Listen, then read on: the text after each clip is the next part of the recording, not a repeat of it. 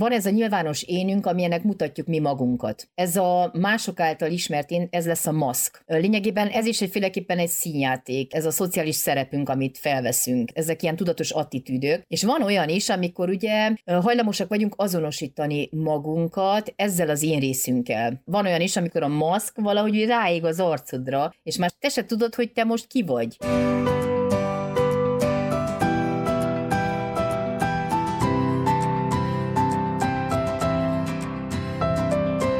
Sziasztok, köszöntünk az És Boldogan Éltek podcast soron következő adásában. Izgalmas témával készültünk, nekem eszembe se jutott volna erről beszélgetni az év ezen szakaszában, annyi mindenre gondoltam, itt évnyitás, évindítás, fogadalmak, hasonlók ezen a vonalon ment tovább, aztán Anna bedobott egy, egy barom izgalmas témát, aki már itt is van velünk, és várja, hogy erről beszélgessünk. Szia Anna! Szia István, én is köszöntöm a hallgatóinkat. Ugye azt mondtad, hogy ha már ilyen január második felére időszített megjelenésű lesz ez a podcast, akkor mi lenne, ha egy kicsit tovább gondolnánk ezt a, az év ezen szakában jellemző dolgot? Mi van az év ezen időszakában, ugye ott január elején, februárban, január 6-tól idén konkrétan február 23-ig, ugye ez a farsangi időszak, a mulatságok időszaka, beöltözések időszaka, maszkok, állarcok, jelmezek időszaka, és mondhatod, hogy gondolkozzunk egy picit ezen, játszunk egy picit ezzel a gondolattal, hogy, hogy igazából valahol miért is vonzódunk ehhez, hogy, hogy beöltözhetünk, hogy jelmezbe bújhatunk, mit jelent az, hogyan éljük meg, amikor valaminek vagy valakinek a bőrébe bebújhatunk, hogyha úgymond maszkot viselhetünk. Kérlek, hogy oszd meg velünk, hogy te magad honnan közelítetted meg ezt a dolgot, vagy miért van bennünk az igény arra, hogy beöltözzünk, hogy ezt kiélvezzük, hogy valaki más bőrébe, vagy arca mögé bújjunk. És mielőtt még válaszolnál, ugye megköszönjük a Podcast Pioneersnek a Vodafone sokszínű tartalmakat népszerűsítő programjának, hogy többek közt ezt az adást is támogatni fogja. Köszönjük szépen, Anna, a szó a tiéd. Hát ugye ez a beöltözés, az átminősülés, a a ruhák, az állarcok hordása szerintem ez a, valahogy a gyermeki én részünkhöz kötődik, hiszen ki ne játszott volna annak idején különböző szerepjátékokat, amikor elég volt csak egy kendő, hogy mondjuk gonosz boszorkányá válj, vagy királykisasszonyá, vagy egyből eljáz, mit tudom én, az orvos szerepet, vagy a rendőr szerepet, vagy a menyasszony, vagy vőlegény szerepet, amiket szoktak játszani az óvodások, és különösen farsang időszakában amikor be lehet öltözni akár mesehősnek, és valahogy úgy megéljük az énünknek azt a részét, amiben átminősülhetünk. Gyerekként ugye nagyon fontos, mert annyi szabály és annyi keretrendszer van körülöttünk, és olyan kicsinek érezzük magunkat, hogy, hogy ebbe a szerepbe behelyezkedve valahogy úgy megnövekedünk, és, és olyan, mintha egyenrangúak lehetnénk akár a felnőttekkel. Amúgy ez a, az életre való felkészülés is, hiszen ki ne játszott volna anyukásdit, meg apukásdit. Emlékszem a testvéremmel, hát ezek ilyen végéérhetetlen játékok voltak, ahogy kitették a szüleink a lábukat a házból. Kezdődött sátor, ugye két pokroc, csipeszekkel megcsiptettük, na akkor te vagy az anyuka, én vagyok az apuka, vannak gyerekeink, még a régi mosógépünk volt, és akkor a tesom elment idézőjelesen dolgozni a gyárba, és akkor jól eltekergetett mindent a mosógépen, anyukám mindig nagyon mérges volt, én főztem idézőjelesen, összekevertem a kakaót a cukorral, és ez volt az ebéd, úgyhogy elég könnyen megoldottam ezeket a történeteket, de emlékszem órákon keresztül. Királyfisat, kóbolyosat, indiánosat, tehát, hogy hihetetlen, hogy hogy egy gyerekként mennyire könnyen át tudunk menni ebbe a játéktérbe, és olyan, mint hogy a farsang időszakában egy kicsit emlékeznénk arra, hogy hogy, hogy milyen akár valakinek a bőrébe bújni, milyen valahogy elengedni ezt a felnőtt én részünket és játszani. Ugye farsangtól indultunk, beöltözéstől indultunk, kicsit messzire kanyarodtunk, de ugye egy nagyon fontos momentum, amit mondtál, hogy talán ehhez a, a maszkok, a szerepek, a jelmezek iránti vonzalmunk az gyerekkorból fakad, és erre szeretem is volna rákérdezni, mert ezt én a saját kislányomon is látom, hogy nála például az, hogy a nap közepén egyszer csak így talpig elzaként jelenik meg, az teljesen normális, és ehhez nem kell, ehhez nem kell alkalom, alkalom, tudod, hogy, hogy farsang vagy beöltözés ilyenek, hanem náluk ez valahogy annyira magától értetődően jön, hogy ő most éppen hercegnő, vagy most ő éppen hableány. És hát ugye mi gyerekének már megvan ez az eszköztára is, mert nyilván főszereljük őket az ehhez szükséges eszközökkel. De hogy akkor ez jó, ez, ez ezek szerint jó. jó, sőt, ezt, ezt, ezt hagyni kell, hogy a gyerek ezt megélje ebben a korban. Igen, mi nemrég nőttük ki ezt a korszakot, úgyhogy nálunk már ez a fúj, ez a, hát ez nagyon ciki, hogyha beöltöznek most, mert ugye ez már a reális hősöknek az időszaka, de emlékszem, amikor mi is ez a periódusban voltunk, tehát eleve egész nap táncoltak, és és ugye lejátszották azokat a különböző jeleneteket, és még arra is visszaemlékszem, hogy mi úgy kellett kimenjünk a piacra, tehát hogy nem volt hajlandó a nagy lányom levetközni, aztán a kicsi se, egyik volt Anna, másik Elza, akkor ráadásul ugye a ruha, a cipő, az a póthaj, és akkor ahogy végig tudtak, tehát képzelj el minket, így hármasban végigvonulva, egyszer a főúton, ez az E60-as úton lakunk mi, tehát az a nemzetközi úton, és akkor elmentünk az átjáróig, Anna, Elza, és az anyuka, és akkor emlékszem Lillának ezt a, tehát hogy mennyire büszke volt magára, meg mennyire ugye átvette azt a szerepet, hogy úgy lépett, meg ő, ő teljesen átminősül egy gyerek, ez, ez nagyon fontos, hogy ő ugye megéli szerepként, meg ki is próbálja, hogy ez tetszik neki, nem tetszik, ugye a női szerepbe való beilleszkedés, mert az is nagyon érdekes, és erről, hogy Jung szerint meg, megvannak a lányok életében ezek a, ezek a különböző szerep kategóriák, tehát hogy, hogy milyen személyiségfejlődési állomásokon mennek keresztül, ameddig ugye eljutnak a női szerepekig, mert a királylány ez a, ez a születés után alakul ki, ugye ez az egyedi vagyok, ez a tökéletes vagyok, a legcsodálatosabb gyerek, és utána jön ugye az anya szerep, ez a három-hat éves kor, ugye ez a gondoskodás, itt nagyon sok lány ugye elkezd babázni, meg akkor rendezi, meg anyuka lesz, és Ugye ide még nem kell társ, mert ő csak ő van, a lány, meg a, a kisbaba. Aztán óvodáskorban lesz a boszorkány szerep, ez a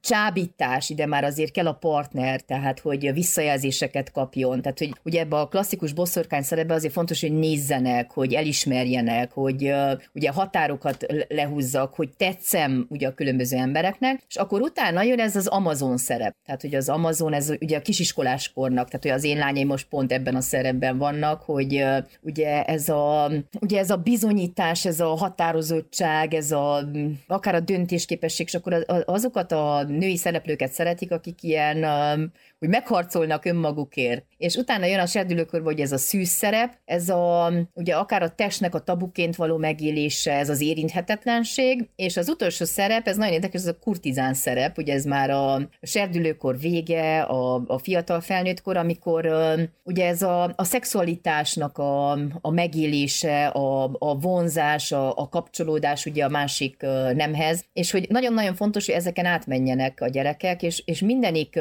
ugye szerepgyakorlás, ez, ez hozzásegít ahhoz, hogy ugye az ő női személyisége ki tudjon teljesedni. Aztán pont ezen gondolkoztam, hogy vajon valaki leírta a férfi szerepeket, mert úgy, tehát, hogy e, ezen például még soha nem gondolkodtam, hogy ugye a nőknél Jung leírta ezt a női személyiségnek ezt a hat fontos alkotó részét, de hogy biztos, hogy megvan férfiak esetében, úgyhogy utána kell nézzünk, és majd, majd be kell hozzuk egy műsorba is, amikor a férfiakról beszélünk. Majd lesz egy ilyen pasis adás is, mondtad, hogy gondolkoztak úgyis egy ilyen, hogy majd legyen egy ilyen pasis téma is. Jó, jó, oké, rajta leszek. Egyébként azok a, a stádiumok, amiket említettél, ez a hat, ezek úgymond maguktól értetődőek, tehát életkori sajátosságból, élethelyzetből Igen. fakadóak, és ezek úgymond nem megkérdőjelezhetőek, nem felcserélhetők, tehát egy normális fejlődési ív ez, amit meséltél, ami történik az egytől a hatig. Igen, mert hogy ugye úgy, ahogy van a akár az Eriksoni fejlődés elmélet, hogy, hogy megvannak ezek a különböző ciklusok, amiken át kell menjen egy gyerek. Na de most lehet olyan is, hogy megreked egyik vagy másik ciklusba, és mondjuk nem alakul ki valamiért. Például akár lehet olyan is, hogy válnak a szülők, és mondjuk a szülők nagyon szidják egymást,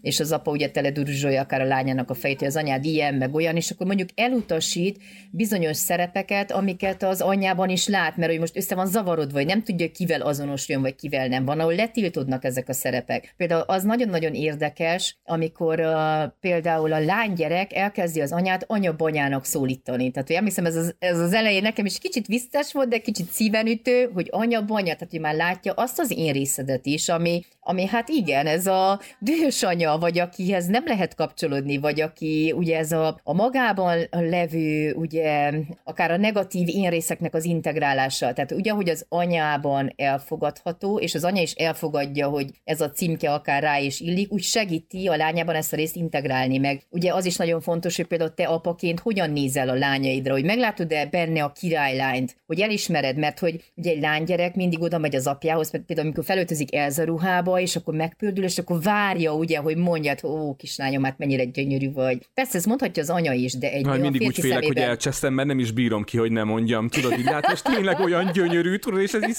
olyan, hogy annál szebb nincs a világon akkor. Meg, hogy az apuka ugye őt felkéri táncolni, meg akkor ugye király lát. Tehát, hogy persze jó ezekről a vágyairól aztán le kell mondjon, mert hogy a, az apa az anyái és pont, tehát hogy ez is egy frusztráció információ, hogy nem az övé, de hogy, hogy ezeken a szakaszokon át kell menjünk, és férfiként ugye nagyon fontos a, tehát hogy, hogy most persze lányokról beszélünk, de ugyanúgy a fiúgyerek esetében is, a fiúgyerek teljesítményének az elismerése, hogy ugye a legóvár, amit felépített, ami ugye az ő teljesítménye, az ő egyáltalán léte, hogy ez, hogy ez validálva, érvényesítve legyen. Egyébként ez kérdésként fel is ötlött bennem, mikor a, a Jungi női szerepeket ismertetted, hogy mondtad, hogy a fiúkról ilyet leírva nem találtál, de egyébként maga ez a beöltözés, illetve a szerepjáték, illetve az erre való ilyen, ilyen irányultság, az a fiúkban is annyira erős, mint a lányokban. Én azért tudom, mert azért kérdeztem, mert a lányost, azt ugye egy a kislányom által én így premierben néztem végig, és én meglepődtem rajta, hogy ez mennyire ott van, hogy ez mennyire élénk, hogy egyik pillanatban ez vagyok, a másik az vagyok. De hogy ez, ez egy ilyen csajos dolog, vagy pedig ez a, a fiú gyerekeknél is ugyanúgy megvan, hogy lovag vagyok, hogy buszvezető vagyok, hogy űrhajós vagyok, hogy tűzoltó vagyok. Most nem akarom így tényleg sztereotipizálni a fiúkat, de hogy azért mégiscsak ezek az első dolgok. Tudod, mint a kamasz fiúknál az, hogy sztárok nőgyógyászat akarok lenni. Tényleg van ilyen? Nem tudom, hogy filmben hallottam, de olyan vicces volt. Igen, talán a fiúknál az a különbség szerintem, ahogy én látom, hogy talán kevesebb a külső tartozik. Tehát, hogy a fiúk úgy átminősülnek egyből, tehát, hogy nem kell neki, ugye egy lánynak azért, hogy ezt a férjem is sokszor nem érti, hogy mi a bánatnak kell. Ennyi ruha, meg ennyi tartozék, hogy Ez nem, nem csak lesz... a lányoknál nem érti, igaz? Nem lehet, csak így ez a belülről, vagy ilyen hogy ugye elképzeled a ruhádat, a hajadat, tehát a lányoknál tényleg több ez a tartozék, és fiúknál öm, akár ez a, öm, tehát akár az ilyen eszközök, hogy van egy kardom, vagy öm, mit tudom én, van egy kalapom, és az bőven elég. Tehát azzal a kalappal én már az lehetek, aki vagyok, vagy ugyanaz a kalap, pal, én lehetek ez is, az is, amaz is. Nem kell úgy, mint a lányoknál, hogy na, akkor most a kendőt. Például mondjuk óvodában nagyon sokszor nem is kellenek feltétlenül ezek a ruhák sem a lányoknál, hanem uh, ugye különböző színes kendőkből nagyon könnyen lehet bármilyen ruhát készíteni. Tehát, hogy átminősülhetsz te végül is, akár egy, egy színes anyag, vagy bármi segítségével. Nagyon fontos ugye az ilyen szerepjáték esetében, amikor amikor nem a gyerek tervezi meg azt, hogy ő most mivé akar változni, és mi az, amit játszik, hogy mi tesszük be, akár pedagógusként, szülőként abba a szerepbe, és mondjuk valamit lejátszunk, mindig ki kell szedni a szerepből, hogy már nem vagy többet királylány, hanem most Lilla vagy, vagy Zsolna vagy, vagy bár, bárki vagy. Uh-huh. Eszembe jutott a kislányom szokott járni most ilyen foglalkozás, és esetleg egyébként egyszer erről is beszélgethetnénk, hogy ez hogy működik, a pszichodráma, gyermekpszichodráma. Uh-huh. Hirtelen az ugrott be, hogy, hogy ott is én mindig meg kell hívjunk egy pszichodráma szakértőt, mert Aha. ugye nálunk is többen vannak, akik ilyen csoportokat vezetnek, Aha. és nagyon-nagyon sok helyzetben tud segíteni. Szorongás, uh-huh. ugye teljesítményszorongás esetében kifejező képesség, kommunikációs készség fejlesztése, egyáltalán csoportban való működésmód, tehát hogy nagyon-nagyon hatékony maga a módszer gyerekeknél. Na, hát akkor ez egy zárójel volt, amit kinyitottunk, bezártunk, de nagyon hasznos, hogy kinyitottuk és bezártuk, mert ebből akár egy újabb műsor is születhet. Ahonnan pedig indultunk, ugye farsang beöltözés, jelmez, állarcok, ehhez történő vonzalom. És majd Jung nevére vissza is térünk, de, de ugye azért nem mehetünk el amellett, hogy, hogy nem csak ténylegesen léteznek ezek a maszkok, nem csak, nem csak fizikai formájukban léteznek ezek az állarcok, hanem hogyha úgy tetszik, akkor gyakorlatilag, ahogy a Jim Carrey féle maszk filmben is mondják, ugye mindannyian egy maszkot viselünk, Vendi, átvitt értelemben, mondja egy professzor a filmben. De ez a mai napig így visszacseng a tök jó szinkronból a fülembe. De hogy ez tényleg így van. Tehát, hogy, hogy valóban beszélni kell arról, hogy, hogy gyakorlatilag non-stop viselünk maszkot, nem? Non-stop viselünk maszkot. Hát ugye Jung ezt ugye úgy definiálja, hogy van ez a nyilvános énünk, amilyenek mutatjuk mi magunkat. Ez a mások által ismert én, ez lesz a maszk. Lényegében ez is egyféleképpen egy színjáték, ez, ez a szociális szerepünk, amit felveszünk, ez, ezek ilyen tudatos attitűdök. És van olyan is, amikor ugye hajlamosak vagyunk azonosítani magunkat ezzel az én részünkkel. És van olyan is, amikor a maszk valahogy ráég az arcodra, és már te se tudod, hogy te most ki vagy. Hogy a szerepeidnek az összessége, vagy az, amit eljátszasz, vagy az, aki belül vagy, és hát végül is az egész önismeret is erről szól, hogy, hogy ezeket én el tudjam különíteni, és ki is írtam egy ilyen jó gondolatot, hát az annyira tetszett nekem mérőnek az egyik gondolata. Egy olyan szerepjátékban, mint az önismereti tréning, joguk van a szereplőknek hazudozni egymásnak. Mindenki felvesz egy szerepet, és azt játsza, megismerte önmagát. Ezzel az erővel eljátszhatjuk azt is, hogy te királylány vagy, én meg astronauta. Tehát ez annyira jó, hogy, hogy végül is, Aha. ugye az önismereti tréningeken, meg a személyiségfejlesztésen pont ez a lényeg, hogy, hogy lehámozzuk ezeket a maszkokat. Csak kérdés az, hogy valóban képesek vagyunk-e egy csoportban tényleg maszkmentesen létezni. Tehát, hogy biztos, hogy lekerülnek különböző szerepek és különböző dolgok. Hát ugye bármiben, amit csinálsz, mert az elején bármilyen szerepbe bekerülsz, próbáld eljátszani, hogy te abban mennyire profi vagy. Aztán egy-két felsülés után rájössz, hogy hát azért nem pont a legjobb, hogy ezt így játszom el, lehetne vajon másképp. Például emlékszem nekem is az első nyilvános szerepléseimen, hogy ez mennyit segített, amikor már be tudtam vallani azt saját magamnak, meg akár a közönségnek is, hogy hát igen, vannak helyzetek, amikor szorongok, amikor sebezhető vagyok, hogy amikor már nem a tökéletes történeteket mondtam el, hanem pont a felsülés történeteimet, meg el tudtam mondani azt, hogy na ez egy szokatlan helyzet, hogy ugye például akár visszagondolva, hogy nem találtam meg azt a hangot, aki én vagyok, hanem nagyon sok idő kellett elteljen, ameddig ugyanezen a hangon tudtam beszélni egy színpadon. És akkor persze, hogy el kellett játszani, főleg azt emlékszem, hogy mondtam neked hogy fenn van YouTube-on az az előadás, az egyik első előadás, amikor Müller Péter előtt kellett beszéljek. Hú, de látszik az egész arcomon, meg az egész megjelenés, hogy tudod, ez így, mint egy karóba húzolt álltam, és próbáltam eljátszani a nagy szakembert, fajn, aztán, hogy milyen profi vagyok, én már százezer éve adok elő. De fú, tehát az az érzés, tudod, hogy még nem tud élvezni, de el kell játszod, hogy te profi vagy, mert az a csomó ember odajött és vett egyet, és akkor hát szerintem mindenki átmegy az elején ezen. Kezdve pálya kezdőként, hát mikor te is bementél, és ugye felvetted a tanári szerepet, és én is, te. az osztályfőnöki szerepet, és akkor el kellett játszod, hogy te olyan profi vagy, de közben azt se tudtad, hogy most mihez kezdjél ennyi pattogó nikkelbolhával. Hát, három év után már merem mondani, még sokszor mondjuk, hogy ez nem a reklámhelye, de én ott majdnem visszaszoktam a dohányzásra konkrétan, Tényleg? pedig hát ott, ott, ott, ott akkor nagyon rezgett a léc, hogy mondom, vagy az, vagy valami keményebb. az, annyi, az, annyi, az annyira húzós volt, igen, meg ugye gyors volt a váltás is, tehát nem is adtam időt magamnak arra, amit nagyon sokszor mondasz, hogy ilyenekre időt kell mhm. adni. Én nem adtam, de én augusztus 20-án még a rádióban dolgoztam, szeptember 1-es, 1 meg, meg elkezdtem tanítani, tehát az, az, az elmebeteg volt, az nem is, nem is tudom, hogy hogy gondoltam, de mindegy, túl vagyunk rajta. Az, amit mondtál, hogy, hogy ezeknek a különböző helyzeteknek a tudatosítása, a megélése, a lehámozása, a a, földolgozása, ez azt jelenti, hogy ez, egy, ez gyakorlatilag egy élethosszig tartó munka, ha úgy tetszik, a személyiségünkön végzett munka, mert hogy én pedig azt olvastam a téma kapcsán, ez többször is visszatért, több cikkbe is visszatért, hogy a képen, akik vagyunk, és aminek mutatni szeretnénk magunkat, ennek az integrálásán nagyon fontos dolgozni. De miért? Hát mert ugye van az érünknek ez a tudatos része, ez az ego. Aztán van az árnyék, ugye ez a, ezek is mind-mind jungi fogalmak, ez a, ugye a személyiségnek ez a rejtett arculata, ami, amit nem is tudunk nagyon sokszor megfogni. És van ugye az a persona, ami végül lényegében ez a maszk vagy szerep,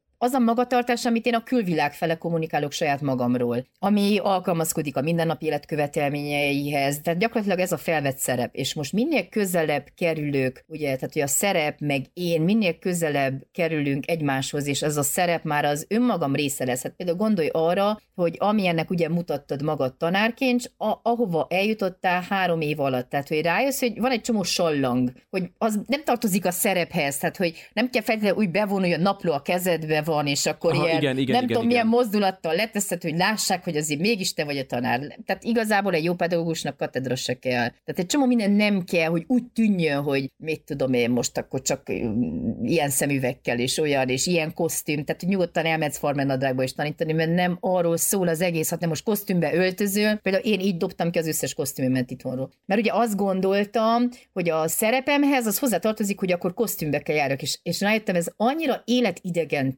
tőlem. Tehát, hogy én nem érzem jól magam, én feszengek, tehát, hogy nem az én, tehát hiába lehet a szerep megkövetelni. Na, de egy nagyon érdekes történet, ezt nem tudom, meséltem el. Mikor bementem az iskola pszichológusi rendelőbe, hány éves lehettem? Olyan 20 és volt egy műsorom akkor a rádióban, tehát volt egy műsor, ahova engem mindig szakértőként meghívtak. És ugye, hogy mély a hangom, valahogy mindig azt képzelték, hogy én ilyen 40-50 éves vagyok minimum. Tehát nem tudom, valahogy társult egy ilyen nem tudták ki az a Kádár Anna Mária, az egy pszichológus, és akkor mit tudom én hány éves. És képzeld, megyek be a pszichológus rendelőbe, rövid nadrág, harisnya, térdigérő csizma, mit tudom én, már felül mi volt rajtam, jaj, akkor ilyen nagy indiános korszakomban voltam, így lógtak a rojtok rajtam, és deréki gyérő hajam volt, és két szóvba megkötve, és a rádió műsorban betelefonált egy anyuka, és mondta, hát a fiával gondok vannak, és szeretne velem beszélni, és akkor ugye az iskola időn kívül, akkor fogadtam ott a rendelőbe, és oda, és azt mondja, én Kádár Anna Máriát keresem. De hát kezembe volt a kulcs, mentem be a rendelőbe. Mondom, én vagyok Kádár Anna Máriát. Nem, nem, nem, nem, nem. Ő Kádár Anna Máriát a pszichológus keres. Mondom, én vagyok. Azt mondja, maga beszéltanádat, az a lesokkolódás. Tehát, hogy el is mondtam, mert ugye ezzel kezdtük, hogy ő a pszichológus, hát az a minimum, hogy kosztüm, tudod, körömcipő. De abból is lehetőleg barna, igen. vagy fekete, vagy valami, nagy, valami nagyon szigorú szemüveg. szemüveg. Igen, tehát és hogy, hogy, nem talál ez a kép, de hogy, hogy végül is ez is egy nagy döntés, hogy, hogy te most vajon tanárként, vagy pszichológusként, vagy bármiként, vajon kell találj ahhoz a képhez, amit elképzeltek rólad, vagy te lehetsz önazonos, és lehetsz mondjuk pink színű, fuxia színű pulóverben is, mint amilyen most én pont vagyok, pszichológus, vagy tanár, vagy bármi. Tehát, hogy lehetsz Nekem egy másik sztori dugrott be, amikor azt mondtad, hogy Miki Egeres póló volt rajta, de az is valamilyen hasonló lehetetlen volt, hogy ott is Miki Egeres pólóban nem, nem, nem, nem nézték, hogy te vagy Kádár Annanária a pszichológus. Az valami egyetemi előadás volt, nem? Nem, mentem fel az egyetemre, volt. mentem fel az egyetemre, Igen. és mindig cserélődnek a kapusok. És hát én nagyon szeretem a Mickey Mouse, mert készülünk Disneylandbe is egy ideje, csak mi nem jutottunk el, és akkor volt a Dezig Jaguárnak egy ilyen kollekció, hogy, hogy nem tudom, a 30. vagy a 25. évfordulóra ugye kiadtak ilyen nadrágot, cipőt, kabátot, pólót, csak a szép sorra beszereztem, és van egy teljes Mickey Mouse-os felszerelése. Póló! Képzeld, de bőrkabát nagyon menő, tényleg hátul Mickey Mouse, Mickey Mouse-os nadrág, Mickey Mouse-os cipő, és Mickey Mouse-os hátizsák. És mentem az egyetemre tanítani egy ilyen tavaszi napon. És mondja a kapus, hogy diákok nem jöhetnek be. Hát mondom, én a tanár vagyok. De hát ez végül is jó dolog. Nem, hát 40, 48 éves, ha még diáknak néznek, hát mondom, akkor nem nézhetek ki szarú. Talpig Mickey Mouse-ban. Igen. Mert hogy ugye ezek a, a különböző szerepek, amiknek azt mondod, hogy az integritásán igenis dolgoznunk kell, elkerülhetetlen, hogy dolgozzunk. Ugye azt mondod, hogy ezeket nevezhetjük personának is, ugye ami Jungtól származik. Na most, amikor picit benástam magam ebbe a, a Jungi persona dologba, akkor egy nagyon érdekes mondatfoszlány megütötte a, a szememet, ez pedig az volt, hogy a persona az elvárásoknak megfelelő kompromisszum az egyén és a társadalom között. És ugye több van belőle, mert ez még nem hangzott, hogy a persona nem azt jelenti, hogy én egy nyilvános maszkot kifejlesztek magamnak, és akkor ezt mindig fölteszem, hanem ráadásul úgy érjük az életünket, hogy ez is ugye magától értetődően alakul. El lehet-e veszni ezekben a personákban? Igen, mert hogy ugye mindannyiunknak van egy képünk önmagunkról, egy, tehát hogy arról a belső énről, ahogy a mi önmagunkat látjuk, de hogy ez nem fog soha teljesen egyezni azzal a képpel, amit, amit a környezetünk irányába mutatunk, ugye ez a, ez a personánk, és tehát ez a szerepszemélyiségünk, és ennek ugye mindig az a feladat, hogy megvédje egy kicsit a, az énünket, ugye a külvilágból származó különböző impulzusok, vagy, vagy bármi, akár bántás, sértés, tehát hogy, hogy valahogy lehúzza egy kicsit a határainkat, és ezzel ugye mi idomulunk a környezetünkhöz, meg a különböző elvárásokhoz, de mindig elvárnak tőlünk dolgokat, hogy anyaszerepbe, férszerepbe, feleségszerepbe, háziasszony szerepbe, hogy milyen kellene te legyél, vagy hogy kellene működjél, és kérdés az, hogy én mennyire azonosulok ezzel, mennyire veszem át ezeket az elvárásokat. Mert hogyha ez egy rugalmatlan maszk lesz, akkor és rákényszerítem magamra, mert ugye elvárják, és akkor én ezt kell tegyem, ez nagyon nagy zavarhoz vezethet. Ugye, tehát az én integritásom nem alakul ki, mert az egy felvett szerep, és ez csak egy kényszer lesz, mert úgy teszek, mintha, de közben az nem az enyém. Na de a logika azt kínálná, hogy ezt le tudom dobni. Tehát ha ebben nem érzem magam kényelmesen, le tudom dobni magam, akkor miért nem tudom ledobni? Akkor hol a probléma? Nem olyan könnyű, mert ugye nagyon érdekes az, hogy uh, rengeteg helyzetben nem tudjuk elengedni ezeket a szerepeket, mert ugye változunk, és egy idő után azok a szerepek, amiket megéltünk, azok már nem fognak találni. Tehát, hogy mindig vannak olyan uh, uh, részek, ami, amiket még hát azért, hogy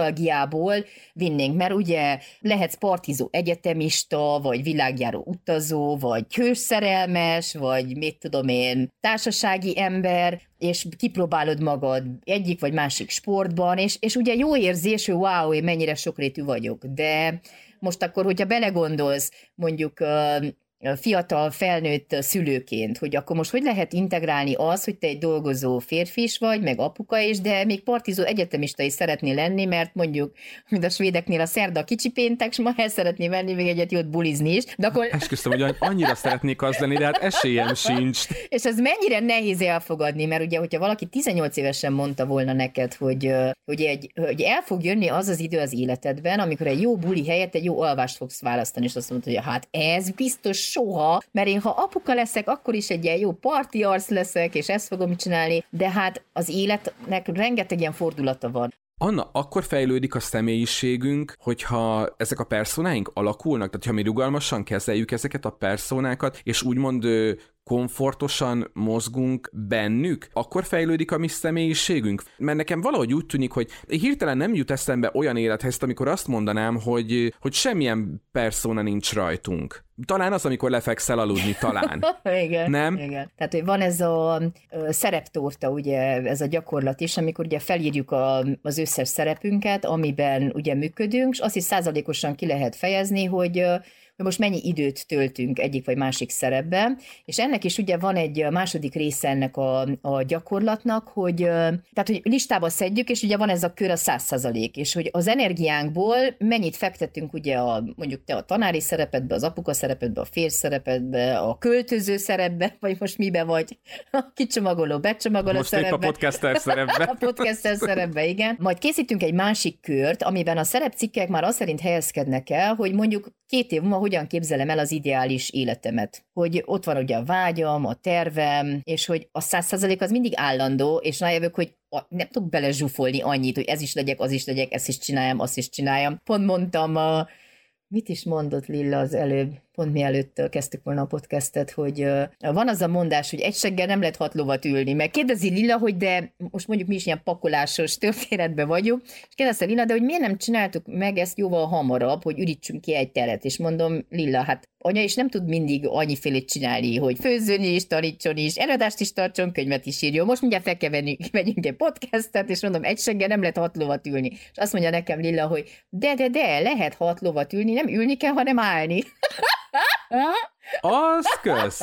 Figyelj, ha belegondolsz, ez ilyen, ilyen kokkötös, meg koktízes, meg nem tudom milyen fogadhatások, ez erről szól, nem? A két hátsóra kell csak ráállnod, az összes többit csak fogni kell egy gyeplővel, Igen. nem? Ez meg tök egyszerű, zárójel szarkazmus. Igen, lehet, hogy tényleg ebben a képben is van valami, hogy a két lábbal, amin állsz, azok mindig a domináns szerepeid, mert minden életciklusodban lesz egy domináns szereped. Talán ugye, amikor szülővé váltál, egészen, ameddig meg nem nőnek a gyerekek valahogy, mégiscsak az a domináns szereped, mert abba töltöd el a legtöbb időt. Tehát akkörül forog az élet. Hogy akkor házi feladat, hogy akkor gyereknek farsangíró, hogy ez, hogy az. Tehát, hogy az mindig valahogy az az Excel táblázat, ami mindig nyitva van. Amikor elkezdtél már dolgozni, akkor vannak munkahelyi feladataid. Na, az is egy ilyen megnyitott dolog. Na, amikor ugye bekerültél a háziasszony szerepedbe, vagy házi férfi szerepbe, akkor mégiscsak kellene főzni, vagy bármit csinálni, és, és mindig vannak ugye helyzetek, amikor egyik vagy másik szerep előtérbe kerül, meg vannak szerep konfliktusok, hogy most nem tudod, hogy most melyiknek felelj meg jobban. Például ebből a szempontból ugye a mai fiatal felnőttek, akik mondjuk később vállaltak gyereket, és ott van az óvodás, kisiskolás korú gyerek, de már idősebbek a szülők, és akkor ott is kellene segíteni, gondozni, de a munkahelyen is le kellene tenni valamit az asztalra, és akkor ez a teljes ilyen káosz, hogy most akkor mit csinálj, melyik legyen előbbre, hogyha egyiket csinálod, a másik zsimbel, ha nem, akkor a főnök, ha nem adod le, ha nem tudom melyik jelentést.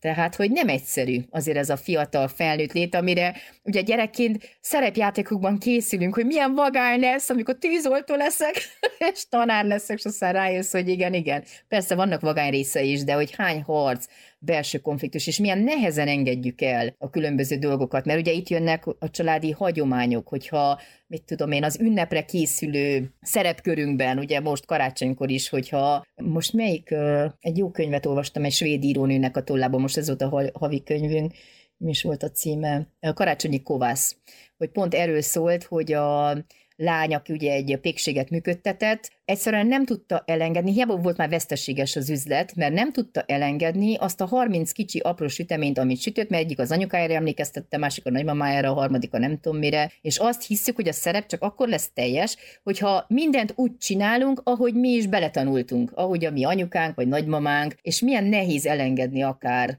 különböző szertartások, meg ritusokat, mert hogy, hogy már a mai életünkben rengeteg minden nem fér bele ami ezelőtt 30-40-50 éve működött mondjuk a szüleinknek az életében. És pont azért egyébként, mivel hogy szerintem viszont bizonyos dolgokban sokkal tudatosabbak vagyunk, mint mondjuk például voltak, ahogy mondtad, 30-40-50 évvel ezelőtt akár a szüleink, nagyszüleink, ezért azt gondolkodtam, hogy ugye van ez az önmagunkról vágyott kép, ami a fejünkben létezik, hogy milyenek szeretnénk vele lenni. Akkor ugye nyilván van egy kép, amit ezzel szemben mutatunk, és ez nem tudja százszázalékosan lefedni ezt a vágyott képet, de ehhez tartozik még hozzá ugye az a legbelső úgymond reális kép is, amik pedig, pedig valóban vagyunk, és hogy ezek között még magában is van egy ilyen non-stop feszültség, nem? Tehát ezeknek a működtetése között. Tehát itt van ez a, ez a három dolog, amik talán együttesen, hogyha együttesen jelen vannak, akkor segítenek bennünket legjobban a személyiségfejlődés útján, de ugyanakkor ezek ilyen, ilyen belső feszültségforrások is, nem?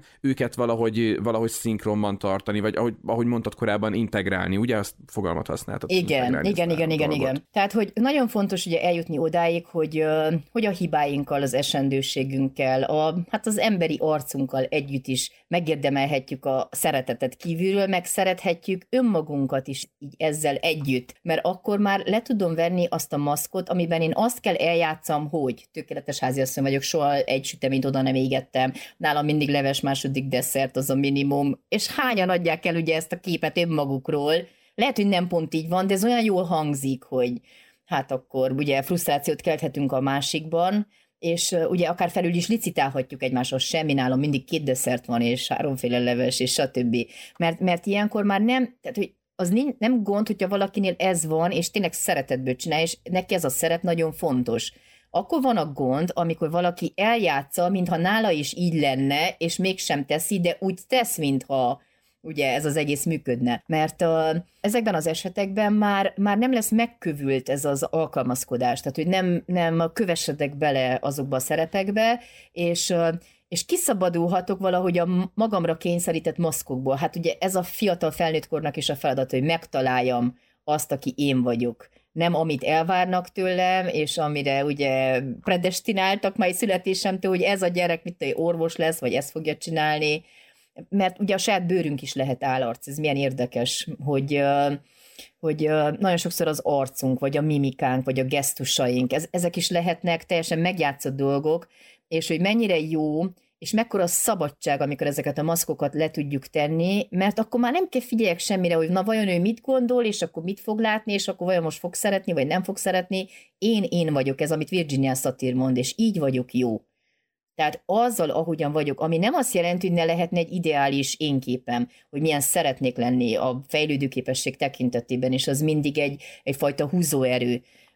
De hogyha ugye ebből a szempontból a ruha, a smink, a, a minden egy, egy maszk lehet, amivel én elrejtek bizonyos dolgokat, és hogyha én ugye eljutok ahhoz a pontig, mondtad az alvást, ugye a lefekvés előtt, talán, talán akkor van az, amikor ruháinkkal együtt, hogy lerakjuk az összes szerep, akár minket, már hogyha a partnerünknek nem kell megfelelnünk, még akkor is, és, és akkor, ja, igen, igen, igen, akkor igen. ugye kettesben maradunk saját magunkkal, a valódi önmagunkkal és néha egyébként milyen rohadt ijesztő. Igen. Nem tudom, hogy te éltél már meg ilyet, de néha annyira ijesztő, ha mondjuk úgy alakul, hogy tényleg nem a párod mellett fekszel vagy gyerekek nincsenek éppen körülötted, vagy olyan élethelyzet van, hogy tényleg egy, egy esti, nyugodt, tiszta állapotban, amikor nincs telefon, nem song semmi, nem szól a tévé, csak úgy magadra maradsz egy kicsit a gondolataid, de azt szerintem néha, ezt biztos sokan megészik, annyira riasztó tud lenni, nem? Hogy valahogy annyira, nem is tudom, ilyen, ilyen kinyírtnak érzi magát az ember, mint hogyha úgy állna benne a világban, tudod, egymagában. És Igen. talán ez lett az érzés, amikor ezek, így mind, ezek a maszkok mind lehullanak, nem? Ez, ez, ez is sem, mint a boldogság, hogy ilyen pillanatok, nem ilyen megélt pillanatok, nem pedig egy tartós állapot. Igen, mert a, a maszk vagy a szerep az ad, tudod, egy ilyen identitás. Tudod, hogy ez a keret, ezt kell csináljam, ilyennek kell látszadjak, és uh, ugye amikor a maszkokat leteszem, megélem ugye a kicsiségemet, a sebezhetőségemet, és ezzel hát félelmetes találkozni időnként, és vannak szerintem az életben pillanatok, amikor maga egy a felelősség, hogy rájössz arra, fú, már soha nem lehetek ilyen gondtalan fiatal, mert annyi felelősség van rajtam, és vajon fogom tudni csinálni, vagy nem, vagy mi lesz, hogyha, mit tudom én, belebukok valamivel, vagy mi lesz, hogyha a véget ír az életem, és akkor most ugye elkezdenek jönni a forgatókönyvek, és, és azt közelengedni magunkhoz, hát az végül is egy igaz ilyen önismereti utazás, hogy, hogy elfogadni önmagamat, ugye, hát végülis ez a smink egy nagyon jó analógia, hogy amikor veszem az arclemosót, lemosom magamról a sminket, és akkor megnézem a reális önmagamat, hogy nem egy kipingált maszk néz velem szembe, hanem én ilyen vagyok. Reggel, amikor felkelek, ilyen vagyok. És ilyen vagyok fáradtan, ilyen vagyok vidáman, ezek a kicsi szarkalábak a szemem alatt, ez is az én történetem, és már nem akarok hazudni, meg titkolozni önmagammal szemben. Tehát, hogy ezért fontosak néha ezek a csendidőszakok, amikor tényleg én önmagammal vagyok egyedül.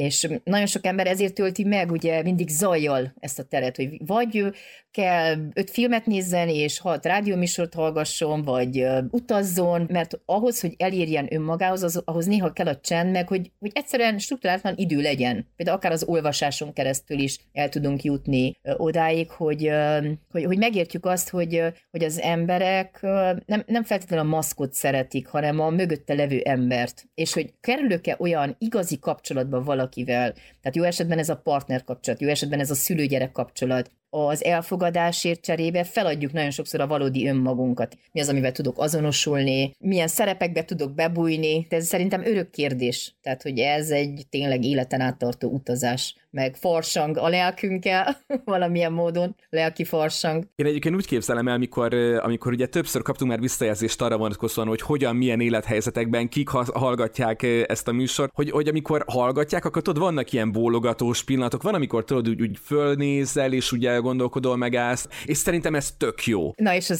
szerintem az egyik legjobb visszajelzés, amit kaptunk, ezt el is fejtettem neked mondani, Igen? hogy XY nem fog nevet mondani, se kontextus, hogy ne lehessen beazonosítani. Tehát, hogy vissza visszajelzett ugye, hogy a podcast kapcsán is, hogy mennyire tetszik, és mondja, hogy van, amikor kétszer hallgatja meg, de mondom, hogy ért, vagy kétszer. Mondja, meghallgatom én egyszer, és ha van olyan mondat, amit talál a férjemnek, akkor meghallgatjuk még egyszer, mert az teljesen más, hogyha én mondom, és teljesen más, hogy a te mondod, és akkor ilyen helyzetekben bologas, na hallod? És akkor mondtam, hogy lehet kérni ilyen beépített mondatokat. ja, igen. Lehetne csinálni egy ilyen szolgáltatást, hogy problémád van a házasságodban, na akkor küldj egy beépített mondatot. Tudod, a rutinosabbak ráadásul ilyenkor tudod, nyomnak egy pauszt, és ilyen jelentőségteljesen így ránéznek a másikra, tudod? Imádom a visszajelzéseket, mindenféle visszajelzést imádok. Az Anna is nagyon szereti, és erről egy csomót szoktunk beszélgetni, meg ennek egyik felülete ugye Facebook, messze, Instagram felületünk, ha nem szeretnél nyilvánosan privát üzenetben is tudsz írni, illetve az és boldogan éltek info gmail.com címre, akár e-mailt hosszabb történet üzenettel is írhatsz, szóval jöjjenek ilyenek nyugodtan vissza, meg vélemények, mert ezeket szeretjük, várjuk. És köszönjük szépen, hogyha azon az applikáción, amin hallgatsz bennünket, követsz is bennünket, megosztod az adást, értékeled az adást, ez lehet a Spotify, az Apple Podcast, Google Podcast, Deezer, vagy ugye a YouTube csatornánk is ott van feliratkozás, tapasztó Orsióta tudjuk, aki ugye vendégünk volt nemrég, hogy feliratkozás az nagyon fontos, úgyhogy köszönjük szépen, hogyha feliratkozol. Illetve ugye mindig mondjuk a Patreon felületünket is, amin ugye már egy egyéves bővített archívumot lehet visszahallgatni, mert ugye az elmúlt egy év adásai mind-mind ott vannak hosszabb formában, mint az előbb említett felületeken, tehát ilyen 30-40 perces adások többnyire egy órás terjedelemben hallgathatóak ott vissza, tehát nem egy-két plusz percet kap, aki azt mondja, hogy szán arra, hogy támogassa bennünket, amit ezúton is köszönünk. És úgy döntöttünk ugye a szülinapunk alkalmából, hogy még többet adunk Patreonon, igaz Anna? Igen, Dolgozunk még igen, egy igen. kicsit. még adtunk magunknak plusz feladatot. Igen, igen, de hát, de hát ugye kapunk is, tehát ezt nagyon nem tudjuk elégszer mondani, ezt nagyon szépen köszönjük ezt a támogatási formát mindenkinek. Úgyhogy úgy döntöttünk, hogy az idén ezt megpróbáljuk még egy kicsivel megköszönni, ez pedig egy új sorozat, amit kifejezett kifejezetten a patreon.com per és boldogan éltek felületen lehet elérni. Életmesség címmel indult útjára, és ugye egyrészt érhető el belőle, ami a, a, azt járja körbe, hogy Harry Pottert és barátait, illetve az ő egész világát mikor engedjük be, hogyan engedjük be a családunkba, a gyerekeink életébe, vizuálisan, olvasva, milyen környezetben, hogyan feldolgozva, van -e ennek valami kőbevésett életkoritolígia és hasonló kérdések a Patreonon hallgatható életmességben. Anna, nincs más hátra, mint hogy megkérdezzem, hogy mindent elmondtam-e, amit kellett. Igen, és szerintem az életmeséknek egyik nagy előnye, hogy akár még saját magunkkal is vitatkozunk, meg a saját elméleteinket is megcáfoljuk, amiket simán, ugye kiterveztük, simán. hogy ez így lesz, úgy a Harry Potteresben pont ez történt. Igen. Tehát aki a Harry Potteres meghallgatja, az azt fogja mondani, hogy, az, hogy én biztos nem gondoltam volna arról, hogy a pszichológus ezt fogja mondani. És tök jó. Még gyerekek is vendégszerepeltek igen, benne. Igen, igen, igen, igen, de ma már lefenyítettem őket, hogy nehogy most ebben a részben nem se Harry Potter kosztümbe, se anélkül. Mert mindig kíváncsiskodnak. Mert ugye sokszor emlegettem őket, és akkor uh, van, amikor ide feljönnek ugye a dolgozószobák, uh-huh. és mhm. hallgatoznak, hogy most miről van szó, anya mit mondott, vagy miről mesél. Igen, igen, igen, tudja, a Harry Potteres részben ők is beköszönnek egyébként egy-egy mondat elég, meg az én kislányom is beköszön. Na, ennyit talán előzetesként a, az életmesékről, aminek ugye szintén támogatóinktól, patronálinktól külön lehetőség, hogy várjuk a témajavaslatot, mert ugye ez annyira speciális műsor, annyira különleges platform, hogy ezt tényleg szeretnénk, hogy, hogy egy olyan pici témát dolgozzon föl, amire a legtöbben kíváncsiak. Tehát erre is várjuk a javaslatokat, és köszönjük szépen, hogy most is itt voltál, itt voltatok velünk, köszönjük szépen Annának, hogy ismét együtt töltette velünk ezt a pár percet, és találkozunk két hét múlva. Sziasztok! Sziasztok! sziasztok.